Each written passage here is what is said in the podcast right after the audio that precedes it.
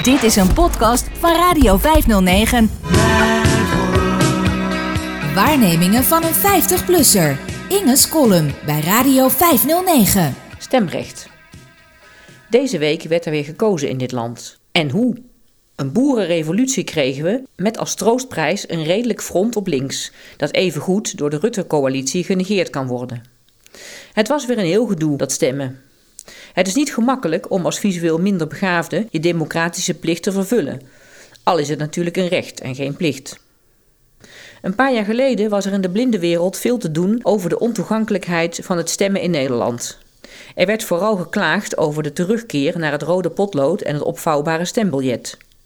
Mij verbaasde dat nogal, alsof die stemmachines destijds zo toegankelijk waren. Ik geloof dat het me een paar keer is gelukt om min of meer zelfstandig met zo'n stemmachine mijn keuze te maken. Maar ik herinner me ook verkiezingen waarbij ik toch echt hulp nodig had, omdat het me niet lukte om de juiste kandidaat aan te tikken op een volkomen plat vlak. Wat mij betreft heeft de teruggang naar handmatig stemmen geen verschil gemaakt. Ik had en heb iemand nodig om me bij dit merkwaardige proces te helpen.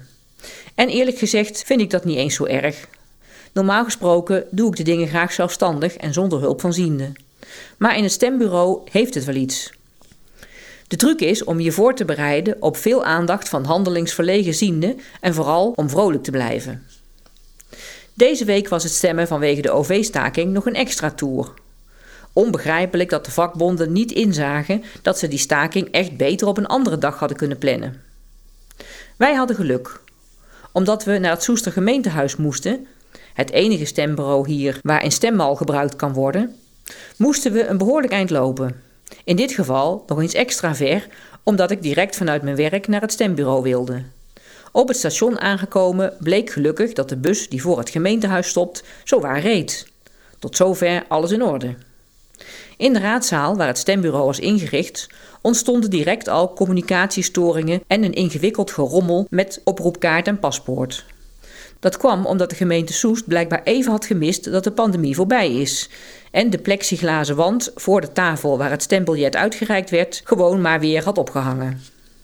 Daardoor duurde het even voordat wij de opening hadden gevonden, waardoor we oproepkaarten en paspoorten moesten aangeven en werd het aanpakken van de stembiljetten ook best ingewikkeld. Er werd iemand geroepen om ons te helpen met de stemmal. Van vorige gelegenheden wist ik al dat het nogal een gemier is, waar een wat minder vaardige ziende het moeilijk mee kan krijgen. Onze hulpmevrouw bleek een zeer onhandige ziende, die het allemaal behoorlijk spannend en nieuw vond. Het precies goed tussen de mal klemmen van het biljet was voor haar een flinke uitdaging. Ik gaf haar nog de tip om de hoeken van het stembiljet even met een plakbandje vast te plakken in de mal, omdat ik wist dat dat een vorige keer goed had gewerkt. Er werd niet op gereageerd. Ik denk dat de mevrouw het door de zenuwen niet eens hoorde of niet goed begreep. Ze zouden die stembiljetten eerst moeten strijken, riep ze wanhopig. Want vooral het grote aantal vouwen in het biljet speelde haar parten. Geleidelijk aan begon ze er de lol toch van in te zien, ongetwijfeld door ons kalm en blijmoedig optreden. Maar toen waren we wel een kwartier en twee keer twee stembiljetten verder. Het was maar goed dat we ons via de webbox thuis hadden voorbereid en we daardoor al wisten welke lijst en welk vakje in die lijst we voor de provinciale staten en waterschap moesten hebben.